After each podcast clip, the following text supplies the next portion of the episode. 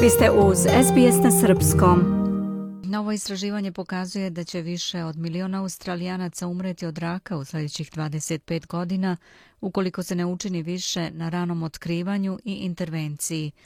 Ova statistika bila je razlog na pozive vladi da uloži više novaca u istraživanje i preventivne mere, piše Sunila Vašti za SBS News. Taj prilog pripremio je Zoran Subić. Diane Coleman je predavač na Univerzitetu zapadnog Sidneja. Ona je takođe uspela da prebrodi rak dojke nakon što je u 2019. godini bila diagnozirana. Ona kaže da je rana dijagnoza od vitalnog značaja. Ono što je za mene važno je da vratim nešto zajednici, da bi obezbedila da drugi ljudi razumeju koliko je važno rano skeniranje, tako da bi i oni mogli da žive svoje živote na najbolji mogući način, isto kao i ja. Sa, ne znam, ali sa mnogim dobrim danima koji će usledeti. Novo istraživanje Saveta raka Novog Južnog Velsa, Daffodil centra i Sidnejskog univerziteta pokazuje da se broj pacijenata raka od 2020. do 2044. godine prognozira da dostigne 4,56 miliona ljudi. Očekuje se takođe da će u Australiji od raka umreti 1,4 miliona australijanaca tokom ovog istog perioda.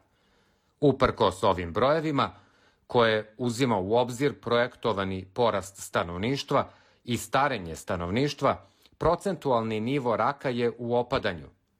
Profesorka Karen Canfell sa Univerziteta Novog Južnog Velsa kaže da još više treba da se uradi u ovom polju, da bi se smanjilo breme ove bolesti i potencijalno spasili stotine hiljada života. So we really need investments in prevention programs. Stvarno su nam potrebne investicije u sektoru prevencijskih programa i to u vezi zdravog životnog stila da bi se održala zdrava telesna težina i fizička aktivnost.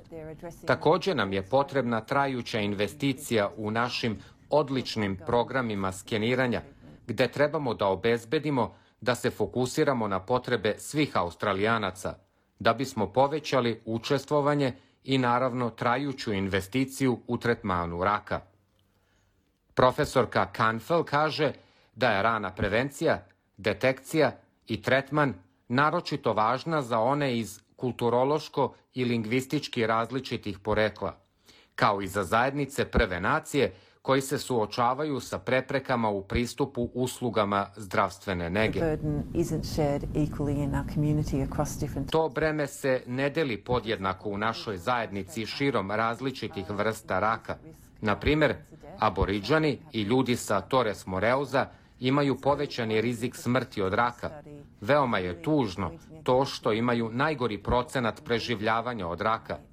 Jedna od implikacija ove studije je da opet ukazuje na potrebu za liderstvom i razvojem kulturološki prikladne nege za aboriđane i ljude sa Torres Moreuza, kao i razne pravce pri kontroli bolesti. Ona kaže da investicija vlade u tim oblastima ne predstavlja nikakvo breme. Profesorka Canfel koristi kao primer pakete za testiranje za rak, a koje je vlada finansirala. Uh,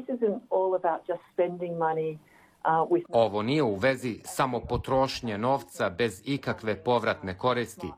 Često je to u vezi korišćenja investicija na pametni način, u tim ključnim investicijama, kao što je skeniranje na rak, To će se povećati, znate, povećat će se zdravstvena dobit kao društvo.